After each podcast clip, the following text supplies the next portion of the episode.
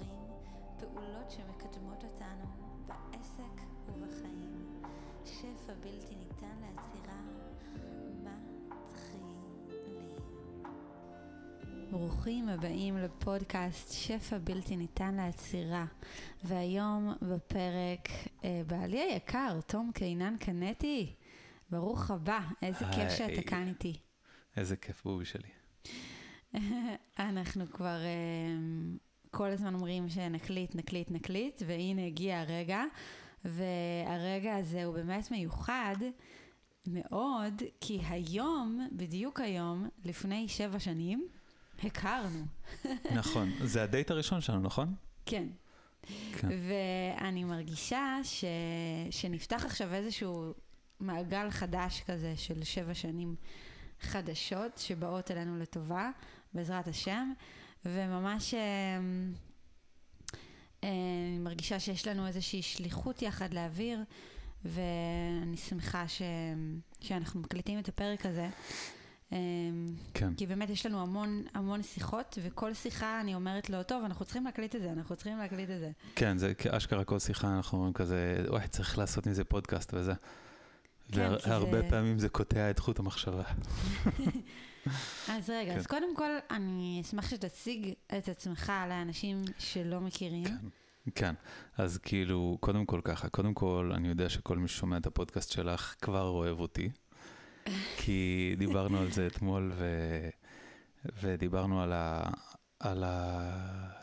אמרתי לך כמה אני רואה את הכנות שיש בך ואת האהבה האמיתית, כמה את לא מזייפת. כאילו, כמובן, יש לך דברים כמו כל בן אדם שיותר מפריעים לך, פחות מפריעים לך, אבל בסופו של דבר ההערכה והאהבה שאני מקבל ממך היא אמיתית. וזה גם לכל מי ש... כל מי שבקהל שלך יודע את זה, יודע ש... שה... what you see is what you get, את לא מזייפת, כאילו. ובגלל זה גם, אני בטוח שכל מי ש... אה, ישמע את הפודקאסט שלך וישמע את הפרק איתי, כבר באיזשהו אופן שמע ממך איזה מילה או שתיים עליי, ואני יודע שהאהבה שלך אליי והאהבה שלנו המשותפת כבר עברה, אז בגלל זה אמרתי, אני יודע שכל מי ששומע כבר אוהב אותי. וואו, אני אשמע כן. את זה כל יום. סבבה. אז בוא תציג את עצמך.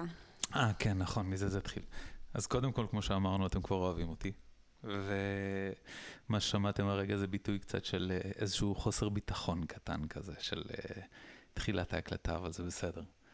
אה, אני אציג את עצמי.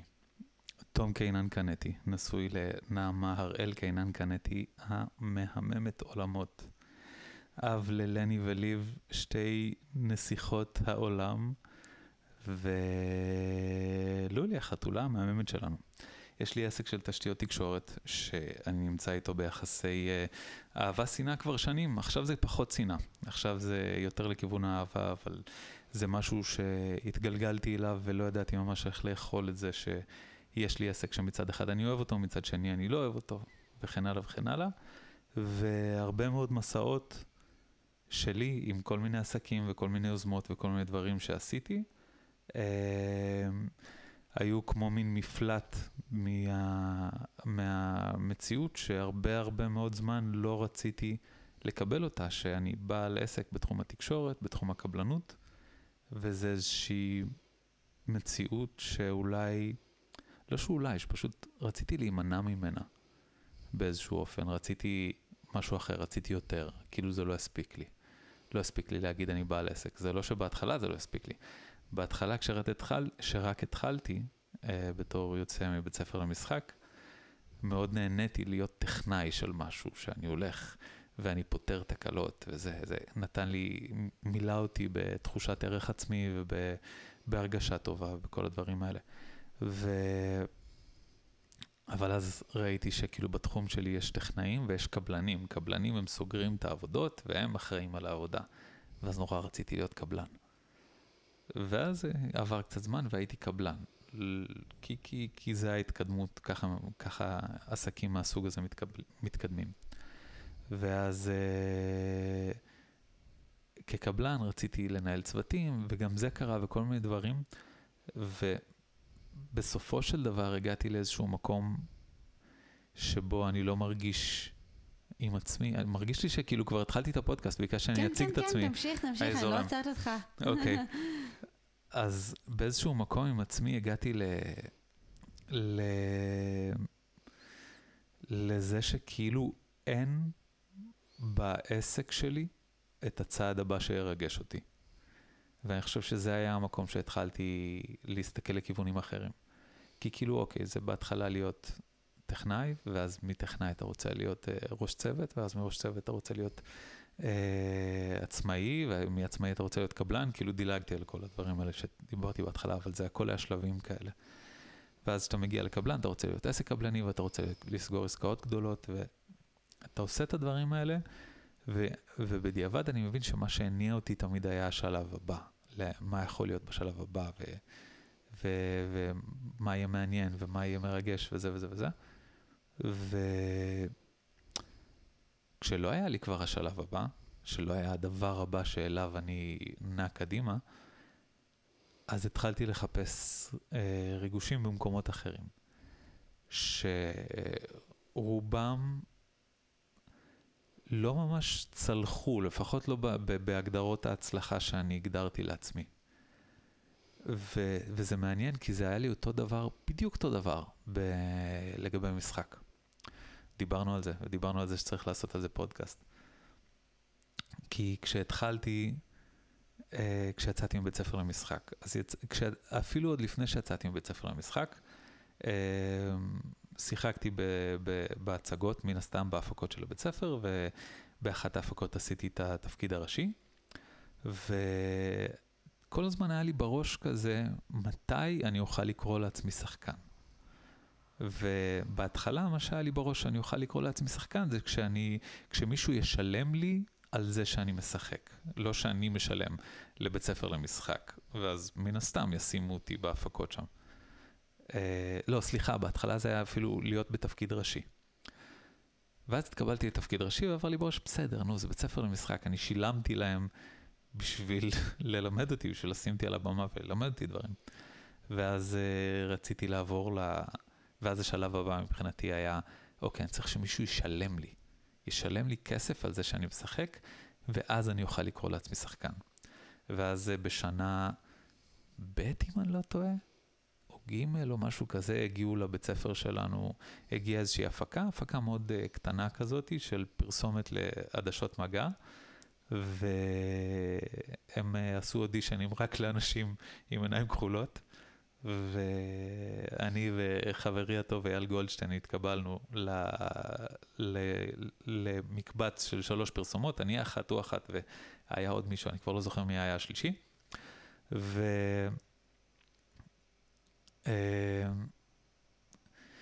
וקיבלתי על זה איזשהו סכום כסף, קיבלתי על זה, לא יודע, נגיד 500 שקל, אבל כשקיבלתי את הכסף עבר לי בראש, כן, אבל הם באו לבית ספר למשחק, וזה לא היה באמת מול התחרות שיש בתחום, אז כאילו אני לא באמת יכול לקרוא לעצמי שחקן אחרי ההפקה הזאת, אני צריך משהו אמיתי.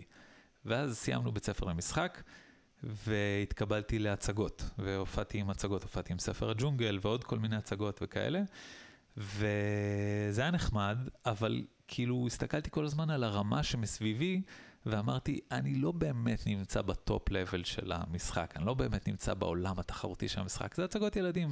חצי מהאנשים שמשחקים איתי הם בכלל רקדנים שעושים תפקידי שחקן, הם לא שחקנים בעצמם, אז זה לא נחשב. ואז אמרתי, טוב, מה כן יחשב? אז אמרתי, אם ייקחו אותי להפקה מסחרית, משהו ששייך באמת לעולם המסחרי. ואז התקבלתי להופיע בפרסומת של, איך קוראים לזה? בנק הפועלים, עם ארז טל זה היה, בזמנו. שהוא היה פרזנטור, אולי עד היום, לא יודע. והתקבלתי והופעתי, וזה היה ממש נחמד, ונהניתי, ואז אמרתי לעצמי, כן, זה נחמד, אבל זאת פרסומת. זאת רק פרסומת, זה לא הדבר האמיתי. זה לא עכשיו שחקן שעושה תפקיד שחקן וזה. כשאני אשחק בדרמה, אז זה יהיה אמיתי, אז זה יהיה הדבר, אני אוכל לקרוא לעצמי שחקן. ועברו כמה שנים, ועברו כל מיני גלגולים, ואבא שלי, זיכרונו לברכה, נפטר, ועברתי עם עצמי בלגנות, והכרתי אותך, והחיים השתנו. בשלב מסוים חזרתי לעולם הזה, ואחד הדברים ש, שקרו כשחזרתי לעולם הזה, היה זה שהתקבלתי ל... אה, כמה סדרות טלוויזיה, אני לא זוכר מה בדיוק היה הסדר שלהם, אבל ביניהם... יפה עוד ה... כן. אה, פאודה, תאגד 2, תאגד, נכון. אבא מטפלת, אה, השוטרים אולי היה הראשון, לא, כן. לא, אולי פאודה היה הראשון, לא זוכר. משנה. התקבלתי לכמה סדרות טלוויזיה לתפקידים קטנים. חלקם, דרך אגב, תפקידים של כמה ימים. אז גם לזה היה סדר. התקבלתי בהתחלה לתפקיד של לבוא להגיד שורה. ונורא התלהבתי, נורא נורא נורא התלהבתי. ואז, אחרי שעשיתי את התפקיד הזה, עבר לי בראש, כן, אבל זה בסך הכל שורה. כאילו, זה לא עכשיו, בואי, להחזיק תפקיד. ואז התקבלתי לתפקיד של כמה ימי צילום. ו- וכאילו עשיתי את זה ועבר לי בראש, כן, זה כמה ימי צילום, אבל זה כאילו, בסדר, אני איזה דמות נשכחת שממלאת איזה תפקיד קטנטן כזה, וזהו. ואז קראו לי לעונה שנייה באבא מטפלת. לעונה שנייה, ובדיעבד גם שלישית. וכאילו אני הדמות של השוטר, של באבא מטפלת, השוטר המרכזי. ואז גם הצלחתי להגיד לעצמי, לקחת את הסיפור הזה ולהגיד זה לא מספיק, כי אני לא מקבל על זה שכר של, כאילו השכר של השחקנים המובילים, שחקנים, שחקנים מיינסטרים, אני מקבל שכר קצת יותר נמוך, אז התחלתי להסביר ברציונל של עצמי, התחלתי להסביר לעצמי, כן, הם כאילו ליהקו אותי בגלל שאני זול יותר מהשחקנים הטובים. ש... שאפשר ללהק, אז אני כאילו מה top level של המחירים הנמוכים, אני, אני כאילו ב top level של ה low cost. אז, אז בגלל זה ליהקו. זה כל הזמן היה לי איזה רציונל כזה שמסביר למה זה עדיין לא מספיק. ואז באבא מטפלת קראו לי לעונה האחרונה, אמנם ליום צילום אחד, אבל קראו לי ליום צילום אחד בשכר של ה top level. וגם את זה הסברתי לעצמי בזה שזה עדיין לא זה, בגלל שלא בחרו אותי לזה מתוך כל הקהל, קראו לי שוב בגלל שכבר הייתי בעונות הקודמות.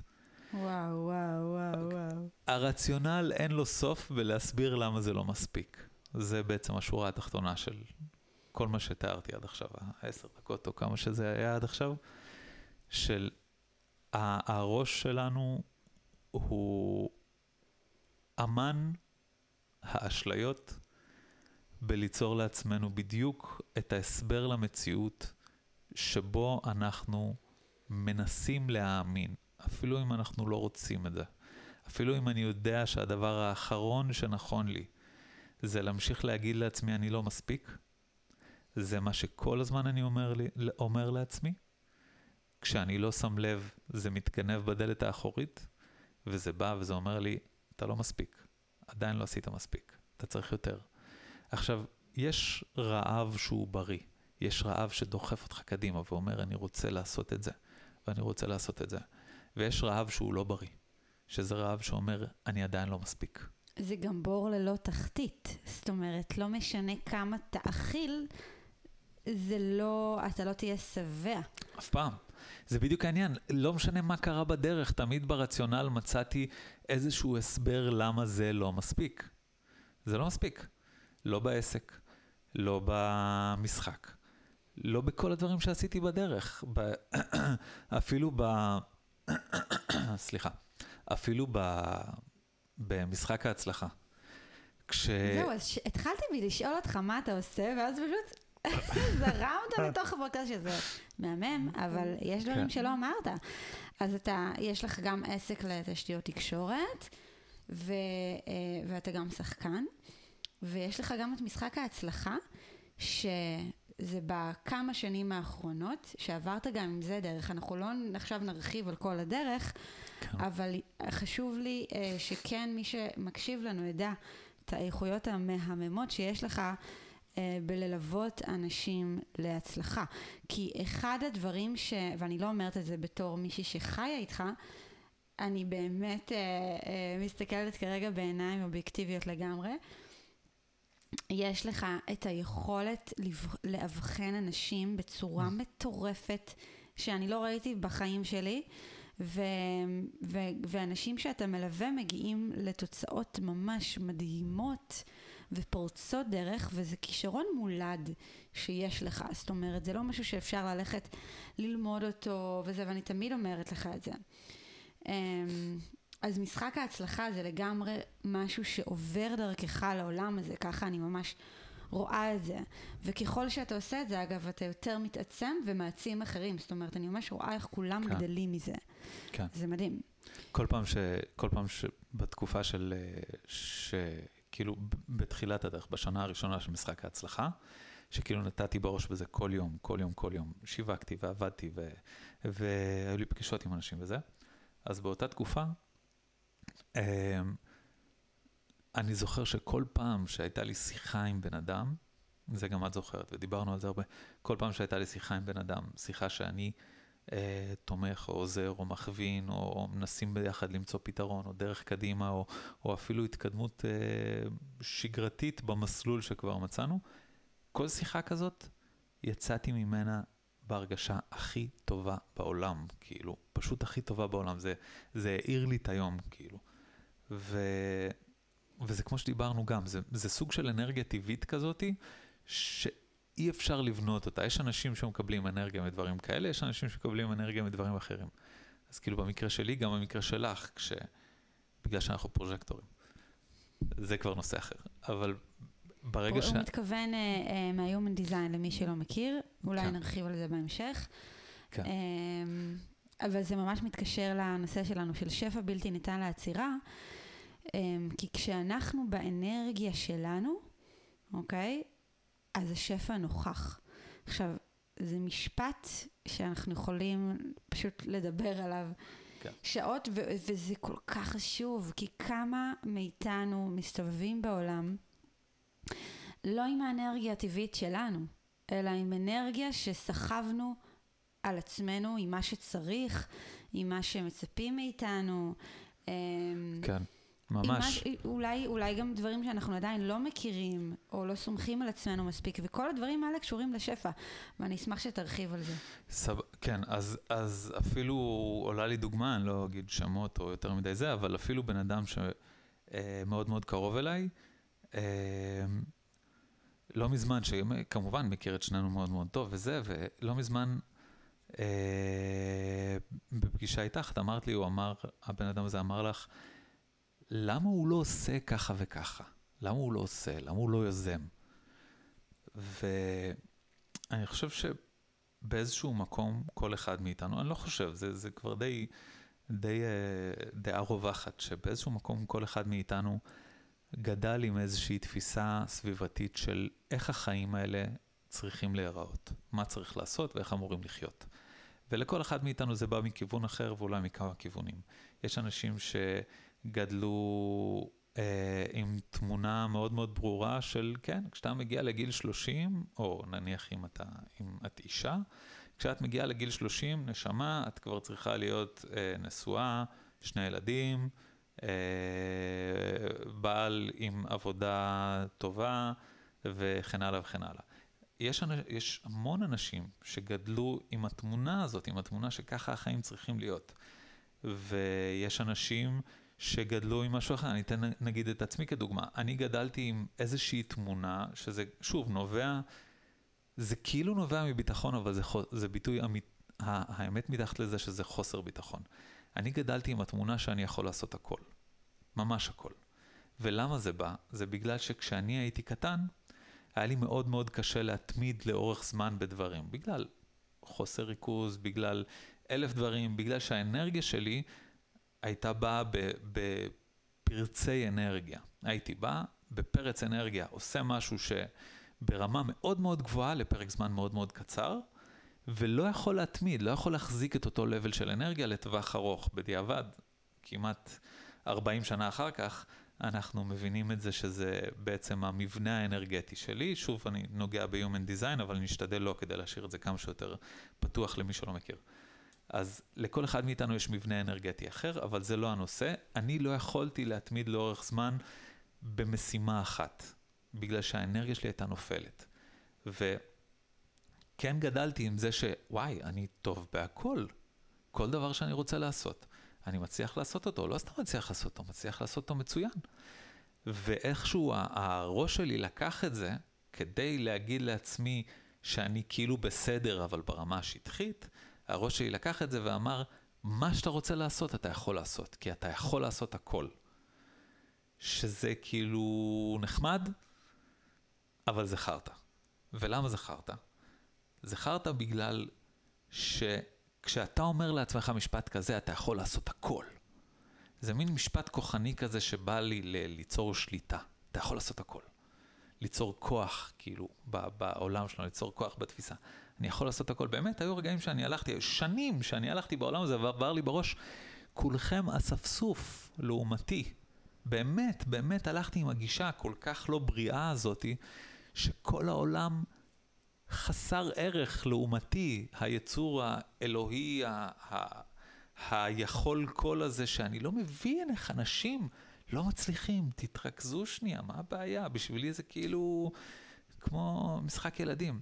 אבל זה לא באמת, זה היה האגו שלי שהשתלט על איזושהי סיטואציה מאוד מאוד מוזרה, שמצד אחד יש כישורים גבוהים, מצד שני אין יכולת להתמיד, אז הוא לקח, גנב מזה את המקום הזה שאומר, אה, ah, הוא מצליח לעשות דברים טוב, נתעלם שנייה שזה לא מחזיק לאורך זמן, נתעלם מזה, נשאיר רק את זה שהוא עושה דברים טוב, ועכשיו על זה נבנה סיפור שלם, שהוא עושה דברים טוב, יותר טוב מכל שאר העולם, הוא כזה חזק, הוא כזה מדהים, מה שהוא רוצה הוא יצליח, זה זה זה, וזה איזשהו סיפור שהתחלתי להתהלך איתו. ולמה הלכתי עם הסיפור הכל כך מוגזם הזה? כי מתחת להכל, אני הייתי כל כך חסר ביטחון. מתחת להכל אני לא הבנתי למה אני לא מצליח דבר, לעשות דברים לאורך זמן. מתחת להכל אני לא הבנתי למה אני לא יכול לעשות דברים כמו אחרים. למה אני לא יכול לקחת משימה ולסיים אותה עד הסוף. בלי לצאת מזה סחוט, בלי לצאת מזה גמור לגמרי. ונוסף להכל, זה לא רק הביקורת הפנימית הזאת שהייתה לי עם עצמי. נוסף לזה, זה גם העולם שלנו שכל הזמן אומר לך, תעשה יותר, תעשה יותר, תעשה יותר. כי העולם מונע בסופו של דבר, פחות או יותר מאז, מאז הדומיננטיות האמריקאית על, המערבית על, על מבנה העולם, העולם מונע דרך ערכים קפיטליסטיים. וערכים קפיטליסטיים מונעים על ידי רעב הצרכן, ו, ו, וה, והפתרון בעצם שמוצע לו, שמתאים ביותר לצרכים שלו. בעצם רעב הצרכן זה העניין הזה של, וזה לא נעשה ממקום של יושב מישהו למעלה ואומר, אה, אני אעשה להם רע. זה פשוט נוצר מתוך עצמו, כי ככה העולם הזה עובד, שהרעב שלנו מייצר מוצרים, והמוצרים מייצרים תחרות, ואז אנחנו ברעב שלנו נהיים מאוד מאוד ספציפיים, כי עובר לנו בראש יש הרבה מבחר, ואז מגיעה חברה כמו אפל, שמבינה מאוד מאוד טוב איך לענות לרעב של הצרכן, והיא מצליחה להשתלט על השוק, ואז היא צומחת מתוך עצמה, והשוק... וזה מין מעגל כזה אינסופי, שמחזקים את הרעב, והרעב מחזק את המוצר, וזה מין מעגל כזה שהוא לא פוסק אף פעם. כשמה שיושב מתחתיו זה זה שאנחנו כציבור כל הזמן, בעולם קפיטליסטי, כל הזמן מתעסקים ברעב. כל הזמן מתעסקים במה אין לנו עדיין, במה אנחנו רוצים יותר, במה לא מספיק, במה חסר, באיפה לא טוב. מתעסקים כל הזמן בחוסר כי זה הגישה בעצם של, של, שהיא נוצרה מתוך המציאות, זה לא שוב איזה מישהו מזעזע, כן, את רוצה להגיד משהו? לא, אני פשוט לא רוצה לעצור אותך, כי זה, okay. אוקיי. כאילו, אתה אומר דברים מדהימים, ואני רוצה ש... לחבר את זה רגע למה שאמרת קודם עם, ה, אה. עם האנרגיה, כי כבר שכחנו מזה, כאילו, הגעת okay. אוקיי. לקפיטליסטי. כן, סליחה. אז אז יש את הדברים שככה העולם עובד, נכון? או מה שמצפים מאיתנו. כן. ואז בעצם מתנתק הקשר הטבעי עם האנרגיה הטבעית שלנו. איזה מזל שאת פה. כן, זהו. אחרת הפודקאסט הזה היה יכול לעוף לכל כך הרבה כיוונים. אבל באמת, המקום הזה של האנרגיה הטבעית שלנו, לפעמים אנחנו מרגישים שאנחנו כבר לא יודעים בגלל כל ההסחות דעת וההסחות וכל הרקע, רעשי רקע וכולי. כן, כי אנחנו התרגלנו לסמוך לא על עצמנו, לא על תחושת הבטן כמובן, כי כשאנחנו ילדים, אז אומרים, אז כאילו תחושת הבטן שלנו זה, אני רוצה עכשיו שוקולד, אני רוצה עכשיו ממתק, אני רוצה עכשיו לשחק, אני רוצה עכשיו לעשות מה שבא לי, אני לא רוצה עכשיו ללכת לישון.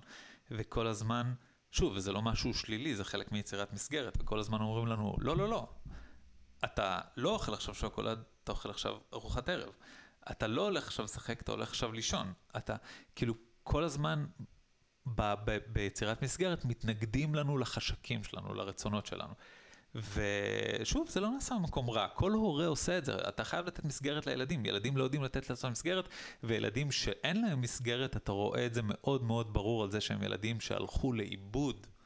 ילד לא צריך על הכתפיים שלו משקל של לקבל את ההחלטות בגיל שהוא גיל קטן. הוא לא צריך את זה כי הוא לא יודע להתמודד עם זה, ואנחנו ראינו את זה אפילו אצלנו, ואז זה נתן לנו כזה נורה, הדליק לנו נורה כזאת של רגע, רגע, אנחנו חייבים להכניס פה מסגרת, בתקופה שבה זה קצת השתחרר. כן. ורגע, תחברי אותי חזרה. כמובן שהכל עניין של איזון, אבל באופן כללי יש את העניין הזה, כמו שאתה אומר, שבמהלך החיים שלנו, בעצם למדנו לא להקשיב לאנרגיה הטבעית שלנו, אוקיי? ואז מה שקורה... איזה מזל שאת פה. כן. כן.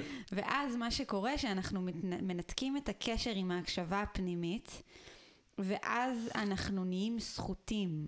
אנחנו כן. נהיים עייפים, אוקיי? ואם אנחנו מקשרים את זה לעולם הבוגר יותר, למשל אנחנו, שאנחנו בעלי עסקים, אוקיי? ו, ו, ויש uh, מלא מנטורים עסקיים סביבנו, אוקיי? שאומרים לנו כל הזמן, לא, תעשה ככה, ותעשה ככה, ואז תגדיל, ואז זה, ותמכור יותר, ותעשה ככה, ו... ואז אתה, אתה הולך לאיזשהו מנטור שלוקח ממך איזה 40 אלף שקל, ואתה חושב שאתה צריך להיות כמוהו, אבל לא, זה לא נכון, כי אז אתה מאבד את, את הקשר עם האנרגיה הטבעית שלך. אין שם שפע, זה בדיוק העניין. שכשאנחנו מנותקים מהאנרגיה הטבעית שלנו, שהאנרגיה הטבעית שלנו ממש אומרת לנו איך אנחנו יכולים לפעול בעולם הזה, מה נכון לנו, מה נעים לנו. כן. אמ, איך אני אמורה להתנהל בעבודה שלי, שזה אה, אה, מתאים לי, אוקיי? אם מתאים לי לנוח צהריים, אם לא מתאים לי לנוח צהריים, באיזה שעה כן כדאי לי ללכת לישון, אוקיי? כולם אה, הולכים לישון ב-10, 11, או 9, האם זה מתאים גם לי, או קצת יותר מאוחר, או קצת יותר מוקדם, או אולי מתאים לי להיכנס למיטה יותר מוקדם וללכת לישון קצת יותר מאוחר, אבל כאן כבר נכנס העניין של, ה, של ההקשבה, אוקיי? עכשיו, אה, אה, אני יכולה להגיד לכם ש, שתמיד זה עניין של למידה. גם אין איזשהו עניין של, אוקיי, עכשיו אני באנרגיה הטבעית שלי, וזהו. זה כל הזמן למידה, אוקיי? זה גם יכול פתאום להרגיש לנו שחזרנו אחורה. למשל, אני בשנה אה, הקודמת, הייתה לי למידה משמעותית של מה נכון לי, וכן, היו חודשים שהרגשתי שאני אה, מקשיבה יותר לאנשים אחרים שייעצו לי והיו סביבי, ופתאום הרגשתי אחרי זה שלושה חודשים שהאנרגיה שלי פתאום נגמרת, וחוויתי נפילה, ממש נפילה. נפילה אנרגטית שהרגשתי אותה בגוף. ממש, הרגשתי, ברגע שאנחנו מרגישים את הנפילה הזאת, אז אנחנו מרגישים שאין לנו אנרגיה יותר להחזיק דבר מסוים. ואז כשאנחנו מרגישים שאין לנו אנרגיה יותר, האנרגיה שלנו נמוכה, נכנסים שם פחדים. פתאום אנחנו מרגישים יותר מפוחדים, יותר חוסר ביטחון, אנחנו פחות בעוצמה שלנו. אנחנו גם פחות כבר סומכים על עצמנו שאנחנו יודעים מה טוב לנו. ואז אנחנו עוד יותר שומעים לקולות של אחרים, כי אנחנו רוצים שמישהו ייתן לנו תשובה, שמישהו יגיד לנו, ואני תמיד אומרת, אנחנו לא צריכים תשובות מאף אחד, רק באמת לסמוך על עצמנו, ובגלל זה אני גם מלמדת את העניין של חיבור להדרכה, החיבור להדרכה הפנימית, חיבור להדרכה הגבוהה שבתוכנו, אוקיי? חיבור לאינטליגנציה אינסופית, חיבור לבורא, כי זה בדיוק המקומות האלה שמחברים אותנו פנימה. וככל שאנחנו יותר מתאמנים על הדבר הזה, ככה בעצם אנחנו נחווה יותר ויותר הרמוניה, שבסופו של דבר מתבטא גם בשפע רוחני וגשמי. ו... ו... וזה זה קש... לא קשור לכסף, זה לא קשור לכלום בעצם. זה קשור ל... אלינו להיות באיזון שלנו ובהרמוניה שלנו. וכשאנחנו מדברים על ההרמוניה שלנו והאיזון שלנו, זה עניין של אנרגיה. ממש, ממש, ממש. זה, זה כאילו, עלתה לי דוגמה תוך כדי הדברים שאת אומרת, הדברים שאמרת, שזה שניקח ממסי את הנעליים שלו ונשים אותם על הרגליים שלנו, לא יהפוך אותנו למסי. בגלל שאנחנו ומסי, אנחנו ומסי, פשוט לא אותו בן אדם. וזה שמסי ילמד אותנו את כל התרגילים שהוא עושה ואת כל האימונים שהוא עושה ונעשה בדיוק אחד לאחד את, ה... את השיטת אימון השבועית של מסי, לא יהפוך אותנו למסי. כמובן שנשתפר קצת כשחקני כדורגל, אבל אם אני רוצה למצוא את הדרך האישית שלי להצלחה, אני לא יכול לחפש אותה בלהעתיק דרכים של אנשים אחרים. בסופו של דבר, הקול הפנימי שלנו, מה שנעמה דיברה עכשיו, הקול הפנימי שלנו הוא הקול הכי מוחלט בעולם, הוא הכי ברור בעולם, אבל הוא לוחש.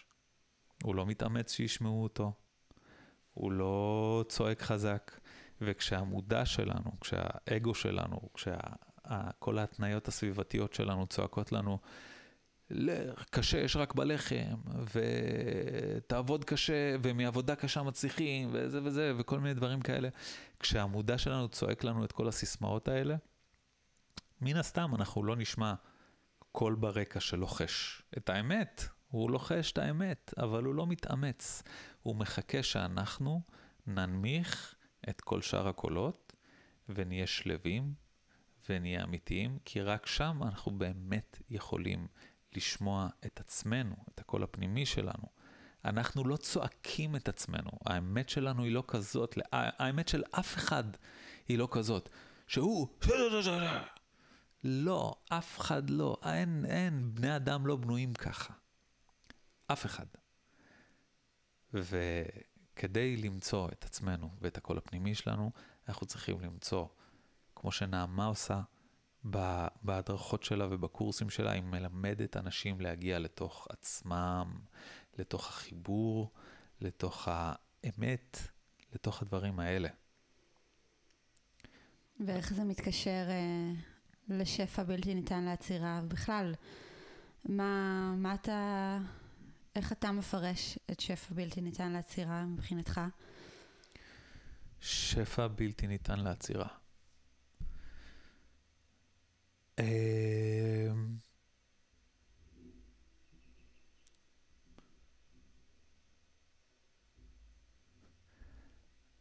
אוקיי, אז אני חושב ככה, קודם כל, ש... כאילו, אני אהיה מאוד מאוד כנה עכשיו. אני חושב שכשאנחנו חושבים על שפע בלתי ניתן לעצירה בחשיבה הראשונה שלנו, ב, ב, כאילו בפשט של הדברים, ב, בשטוח, במודע, באגו. כשאנחנו חושבים על זה, אנחנו חושבים על להגן על עצמנו. ברגע שיהיה לי שפע, אני אהיה מוגן. יהיה לי ביטחון, יהיו לי הדברים שאני רוצה, יהיה לי האוטו שאני רוצה והבית שאני רוצה, ואני אדאג למשפחה שלי, וכולם יהיו שמחים, ותחושת ביטחון.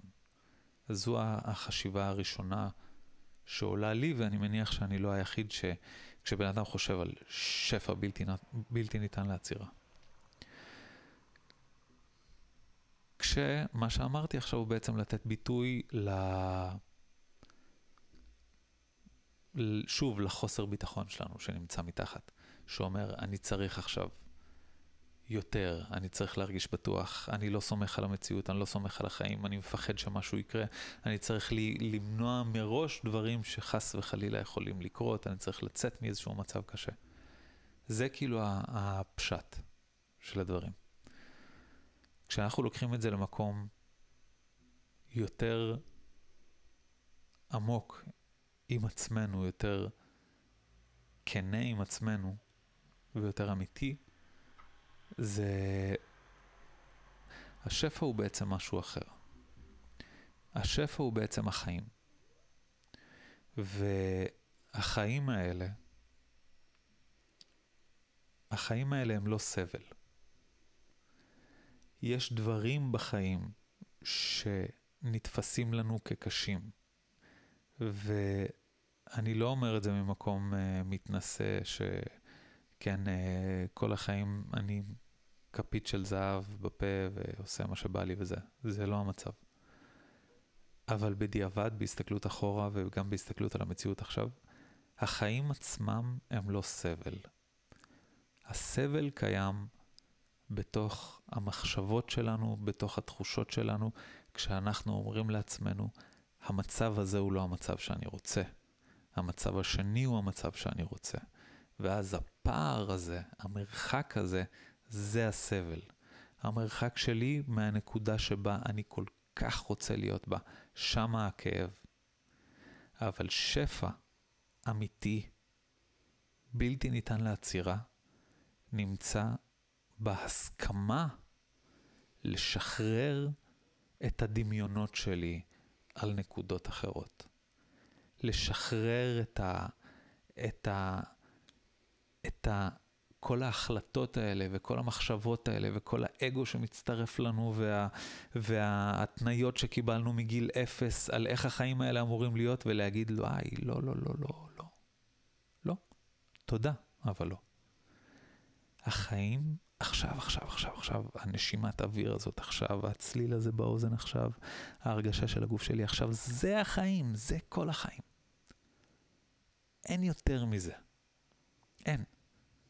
לא משנה על איזה טוסיק, על איזה אוטו הטוסיק שלך יושב, על איזה מושב, ולא משנה אם אתה מסתכל מחוץ לחלון ורואה עכשיו בריכה, או שאתה רואה עכשיו את הנוף של אה, מאיזשהו מגדל בתל אביב, זה לא משנה, החיים זה זה, זה זה, זה הנשימה עכשיו, זה ההרגשה של הגוף, זה, אלה החיים, וזה לא קורה אחרת באף מקום. שפע בלתי ניתן לעצירה, בעיניי, זה היכולת להתחבר שוב ושוב לזיכרון הזה, ולהבנה הזאת, ולרגע הזה, כי הרגע הזה הוא רגע שופע בצורה שבלתי ניתנת לעצירה. הרגע הזה הוא רגע שאין עליו שום שליטה. אין עליו שום כוח חיצוני שיכול לשנות אותו. זה שפע בלתי ניתן לעצירה. וזה לא פשוט. והרבה פעמים, גם אם אנחנו מגיעים לזה כמו מדיטציה, אז אתה מגיע לאיזשהו רגע מדהים, ואז uh, האגו, הראש שלנו מוצא איזה דלת אחורית להתגנב בה ולהגיד, רגע, רגע, אבל מה עם זה? רגע, אבל מה עם ההלוואה? והחובות, היי, וואי, עבודה, מה עם העבודה? אז זה לא פשוט, אבל כשאת אומרת שפע בלתי ניתן לעצירה, לשם זה לקח אותי. טוב, אפשר לסיים את הפודקאסט. תודה רבה. מה זה הדבר הזה? מה זה הדבר המדהים הזה? אה, יש. וואו. אה, מה נעשה כן. איתך? מה נעשה? עם כל החוכמה הזאת ששפעתי ממך, מה זה? אפשר לכבות מיקרופונים ולתת לכולם לדמיין. אז אה, בוא נרד, בוא נרד רגע לפרקטיקה, מה, מה היית ממליץ? ניקח את הדבר המדהים הזה שאמרת עכשיו, ועכשיו אני לא אומרת רק מה אתה ממליץ לאנשים, אני רוצה שגם אתה... אני אמליץ לעצמי. הולך לעשות את זה גם בחיים שלך. אני הולכת עכשיו להקשות עליך. כן. אבל uh, זה הכל מאהבה. אז תיקח okay. את אוקיי. הרגע המדהים הזה שהיה פה, שתיארת את זה, ואני רוצה שתגיד לצופים שלנו איך, איך באמת אפשר, איך ניתן להתאמן על זה או ליישם את זה בחיים, ביום-יום, באמת, להרגיש את המקום הזה, המאוד מאוד מחובר.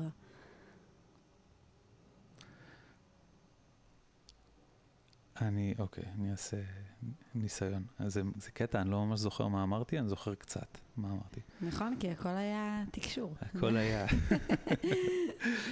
אמ,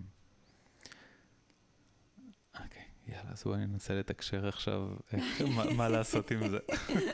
זה קטע, אני לא הייתי אוהב את המילה הזאת פעם, אבל בסדר.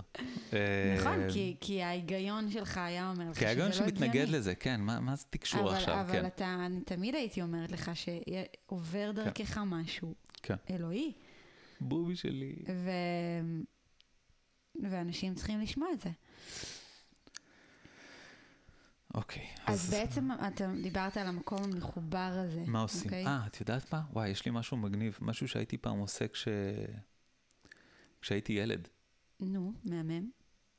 מה זה? מגניב, זה, יכול להיות שזה קשור. אני, וואי, אני צריך להיזכר באיזה סיטואציה הייתי עושה את זה, אבל כאילו, מה זה, היית עושה? זה היה ככה. הייתי... אה! כשאבא שלי היה עושה לי מדיטציות, כשהייתי בן 16, ואבא שלי התחיל להיפתח ל... לעולם הרוח ועולם המודעות יותר. והוא היה עושה מדיטציות, ואני באותה תקופה גרתי אצלו, ואני עשיתי יחד איתו מדיטציות. ואחד הדברים שהייתי עושה, כשהיינו נכנסים למדיטציה והראש שלי כרגיל, רגיל, כרגיל רגיל לרוץ. רגיל לרוץ, אז גם בדיוק כמו שאמרנו לפני רגע, שהמקום הזה שאתה נכנס לאיזשהו רגע טוב, ו... ו... אה, ואז פתאום מתגנבות המחשבות בדלת האחורית ואומרות זה, זה, זה, זה, זה, זה, זה. אז הייתי עושה עם עצמי, תוך כדי המדיטציה, כשהייתי רגיל, שהראש שלי כל הזמן, עוד שנייה מתחיל לרוץ על איזשהו משהו אחר, הסוסים רצים, רצים לשם, רצים לפה, רצים למה יהיה בבית ספר, רצים לזה, רצים לחברים, רצים לחברות, כל הדברים האלה, רצים. והייתי יודע שזה מוציא אותי מהמדיטציה, אז מה שהייתי עושה, זה הייתי מדמיין, כאילו, את, את זוכרת את הפצצות האלה של, של סרטים מצוירים? פצצה כזאת עגולה עם פתיל כזה שיורד? אז הייתי מדמיין כזאת פצצה של סרט מצויר, הייתי מדמיין אותה כאילו בראש, עם עיניים עצומות תוך כדי מדיטציה, מדמיין אותה כאילו היא מתפוצצת לי, וואו. וכאילו הכל נהיה שחור. והייתי פשוט וואו. זוכר שכל פעם שהפצצה מתפוצצת והכל נהיה שחור, כל מה שאני חושב עליו ומתרכז בו זה השחור. אני מסתכל עכשיו על השחור הזה, ובעצם בזה שהייתי מסתכל על השחור, הייתי מס... בפועל מתרכז במה העיניים שלי כרגע רואות. העיניים שלי עצומות, והן לא רואות שום דבר, אבל אני כן, אנחנו, כשאנחנו עושים את העיניים, אנחנו כן יכולים לראות את השחור. הרי זה לא שאנחנו, אה, כשאנחנו עוצמים עיניים, זה לא שפתאום מתנתקת הראייה. אנחנו רואים, אבל אנחנו רואים שחור. אז פתאום, פתאום הייתי מעביר את הפוקוס שלי, כאילו הפצצה, פאף, הכל מתפוצץ, ו- ועכשיו אני רואה את השחור. והייתי מתרכז בשחור הזה לכמה שניות, וזה היה פשוט לוקח אותי כאילו ל... בדיעבד, מה שאני מבין, זה היה פשוט לוקח אותי לאותו הרגע. לאותו הרגע באותה שנייה. מה קורה עכשיו? עכשיו אני רואה שחור מול העיניים. העיניים שלי קולטות שחור. ואם אנחנו מתחברים לסנסורים שלנו של כרגע, זה פשוט מביא אותנו לרגע הזה, אנחנו כבר לא עסוקים במחשבות על הפער בין מה שקורה איתי עכשיו לבין מה שהייתי רוצה שיקרה איתי. זה פשוט כמו טריק כזה שבבת אחת, שלופ, שולף אותנו לרגע הזה. עכשיו, זה לא פשוט ולא כל שנייה אנחנו יכולים, אה, אוקיי, הנה, פצצה, הנה, פצצה, הנה, פצצה. כאילו, בואי, זה יהיה לנו קשה להתקדם ככה. אבל בתור טריק לפחות, שלרגע יכול למשוך אותנו החוצה מתוך איזושהי מערבולת מחשבות כזו שלוקחת אותנו, אפשר לעשות את הטריק הזה או למצוא טריק אחר שלכם של להתחבר לסנסורים של עכשיו. באמצע המדיטציה, הכוונה. אני הייתי עושה את זה במדיטציות, אה, אפשר אולי לעשות את זה גם אה, לא במדיטציות, אני מכיר משחר, המהמם, חבר שלי, הוא סיפר לי על תרגיל שמשתמשים בו בטיפול בחרדות. וברגע שאתה חווה חרדה, אז אתה צריך לשבת, חווה התקף חרדה, אתה צריך לשבת, אני לא יודע מאיפה הוא למד את זה, אבל אתה צריך לשבת באיזשהו מקום, ועם ידיים על הברכיים, ולהרים כל פעם רגל ימין ויד שמאל, ולהוריד אותם ביחד. אה, כי זה מסנכרן ר... משהו במוח, אני חושבת. כי זה, זה מעביר, פשוט זורק, ל...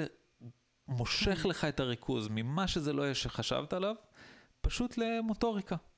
מוציא אותך, זה פשוט שולף אותך החוצה. מכל הדברים שרצו לך בראש עד לפני שנייה, זה פשוט שולף אותך החוצה למוטוריקה. תתרכז עכשיו בלעשות פעולה. וזה שאתה עושה עכשיו משהו אחר, זה פשוט מוציא אותך מתוך ה... הכאב והמחשבות, כי בסופו של דבר זה כמו שאמרנו, הכאב נמצא בפער, והפער נמצא בלדמיין מה הייתי רוצה לעומת מה שקיים. אני חייב המון המון המון להעמיס על הזיכרון של המחשב שלי המון מידע כדי להחזיק את הפער הזה. אני צריך לזכור להחזיק בראש את כל מה שקורה איתי עכשיו, אני צריך להחזיק בראש את מה שאני הייתי רוצה שיקרה, אני צריך להחזיק בראש את שני הדברים האלה ולהרגיש את ההתנגדות ביניהם, ואז להתרכז בהתנגדות ביניהם וכמה הייתי רוצה וכמה אני לא מוצא את הדרך לעשות, להגיע למקום שאני רוצה או, וכמה קשה לי. כמה אנרגיה. כמה אנרגיה, וזה כאילו כל זה יושב בעצם על הזיכרון שלנו, על כמה, איך אנחנו מצליחים להחזיק ביחד את כל הזיכרון, זה כמו מחשב. במחשב, איך אתה מצליח לשחק משחק? כי לפני שהמשחק התחיל, המחשב טען את המבנה של, את המבנה של השלב, את הגיאוגרפיה שלו. והוא טען את היכולות של השחקן, והוא טען את הגרפיקה, והוא טען את הדברים, ואז הוא אומר, הנה, טענתי את הכל, עכשיו תשחק איתם, עכשיו תנוע בתוכם. וזה בדיוק אותו דבר קורה לנו כשאנחנו נכנסים לאותה מצוקה, אנחנו טוענים את המצב הקיים, אנחנו טוענים את המצב הרצוי, אנחנו טוענים את הפער והכאב וכמה אני רוצה, אנחנו טוענים את כל השיטות שאנחנו לא מאמינים שיעבדו לנו אם נרצה. הטעינה של כולם ביחד ולהחזיק את כולם באותו... באותו זיכרון, מאפשר לנו לחוות את הכאב של הפער. אבל, אם אנחנו לרגע לוקחים את המערכת שלנו ואומרים לה תעשי פעולה אחרת, תתרכזי עכשיו במוטוריקה, להזיז רגליים וידיים וזה, אתה פשוט נשלף החוצה, כאילו, כאילו כן. מחקת את כל הזיכרון, את כל הדברים שהיו לפני. כן. אוקיי. כן. אז אמ, אנחנו כבר מתקרבים אה, לקראת סיום. ואני חושבת שזה משהו טוב uh, לצאת איתו, עם מה שאמרת. יאללה. אז מה אתה לוקח על עצמך בשבוע הקרוב? מה אני לוקח על עצמי בשבוע הקרוב? מדיטציה? לא. או משהו אחר. משהו אחר לגמרי. כן, אה, לא, אני, אני לוקח על עצמי משהו שהוא... אני לוקח על עצמי סדר בוקר, כאילו לא דיברתי על זה עכשיו, אבל זה כן... אולי uh, בפעם הבאה נדבר על זה. כן, סדר בוקר, להקפיד על סדר בוקר. לקום, לעשות את ה... את ה פעילות שכרגע אני מאוד נהנה מיוגה, אז להמשיך לעשות יוגה כל בוקר, לעשות את התפילה שלי, והברכות ואת כל הדברים האלה, ו... להמשיך עם הסדר בוקר ולהמשיך עם הדברים האלה, שזה, שאפילו כש, כשאני קם, אני כזה, מה שבא לי לעשות דברים אחרים, להמשיך. לזכור שזאת הדרך. כן, להמשיך. ואגב, וזה גם, אפרופו מה שאמרת, זה גם להתרכז בפעולות שמכניסות אותנו לאיזשהו מסלול, כן. והן פעולות שהן מעלות תדר. ואני מדברת על זה המון uh, גם בקורסים. כן, בזה את אלופה. ממש, כאילו. כי אני רואה כמה זה משמעותי. זה כן. משמעותי ממש, כי אחרת אנחנו נזרקים לכל מיני כיוונים, ואנחנו צריכים את העוגנים האלה, הם נותנים לנו ביטחון, ממש. כן. אז, אז מעולה. אני אשמח שת, שתכתבו לנו גם, אה, אמ, זה יכול להיות אה, בוואטסאפ או אפילו באפליק, באפליקציות השונות שזה מפורסם, ביוטיוב, אמ, בספוטיפיי. או כל דרך אחרת. אמ, או דרך דואר ישראל. דרך פייסבוק, אינסטגרם. כן. פשוט תכתבו לנו גם מה, מה, מה אתם לוקחים על, על עצמכם השבוע, בעצם כדי להרגיש את הרגע הזה. ואתם מוזמנים גם לכתוב לנו איך זה השפיע עליכם הפרק הזה, מה אתם לוקחים, אפילו משהו אחד שלקחתם ככה והשפיע עליכם, זה כבר אה, אה, ממש ישמח אותי באופן אישי ואני בטוחה גם שאתום. אה, אני מזמינה מאוד. אתכם כמובן לקבוע איתי שיחה ממוקדת לגבי השפע שלכם, שיחה ללא עלות, בת רבע שעה עשרים דקות. אני מזמינה אתכם למועדון השפע, אני מזמינה אתכם לקורסים השונים של גוף השפע, גוף הכסף. אמ, ו- וכמובן גם לצפות עוד ביוטיוב. ו- ובואו אה, בוא, בוא נתכוונן לשפע בלתי עצירה, בלתי ניתן לעצירה, שהוא אתם. אז תודה רבה. תודה בוביק. תודה, תודה, תודה. ותודה לכל מי שהקשיב לנו, ומקווים שנהנתם, ומקווים שנפגוש אתכם שוב בשידור הבא. ונתראה בפרק הבא, כן? יס. ביי ביי.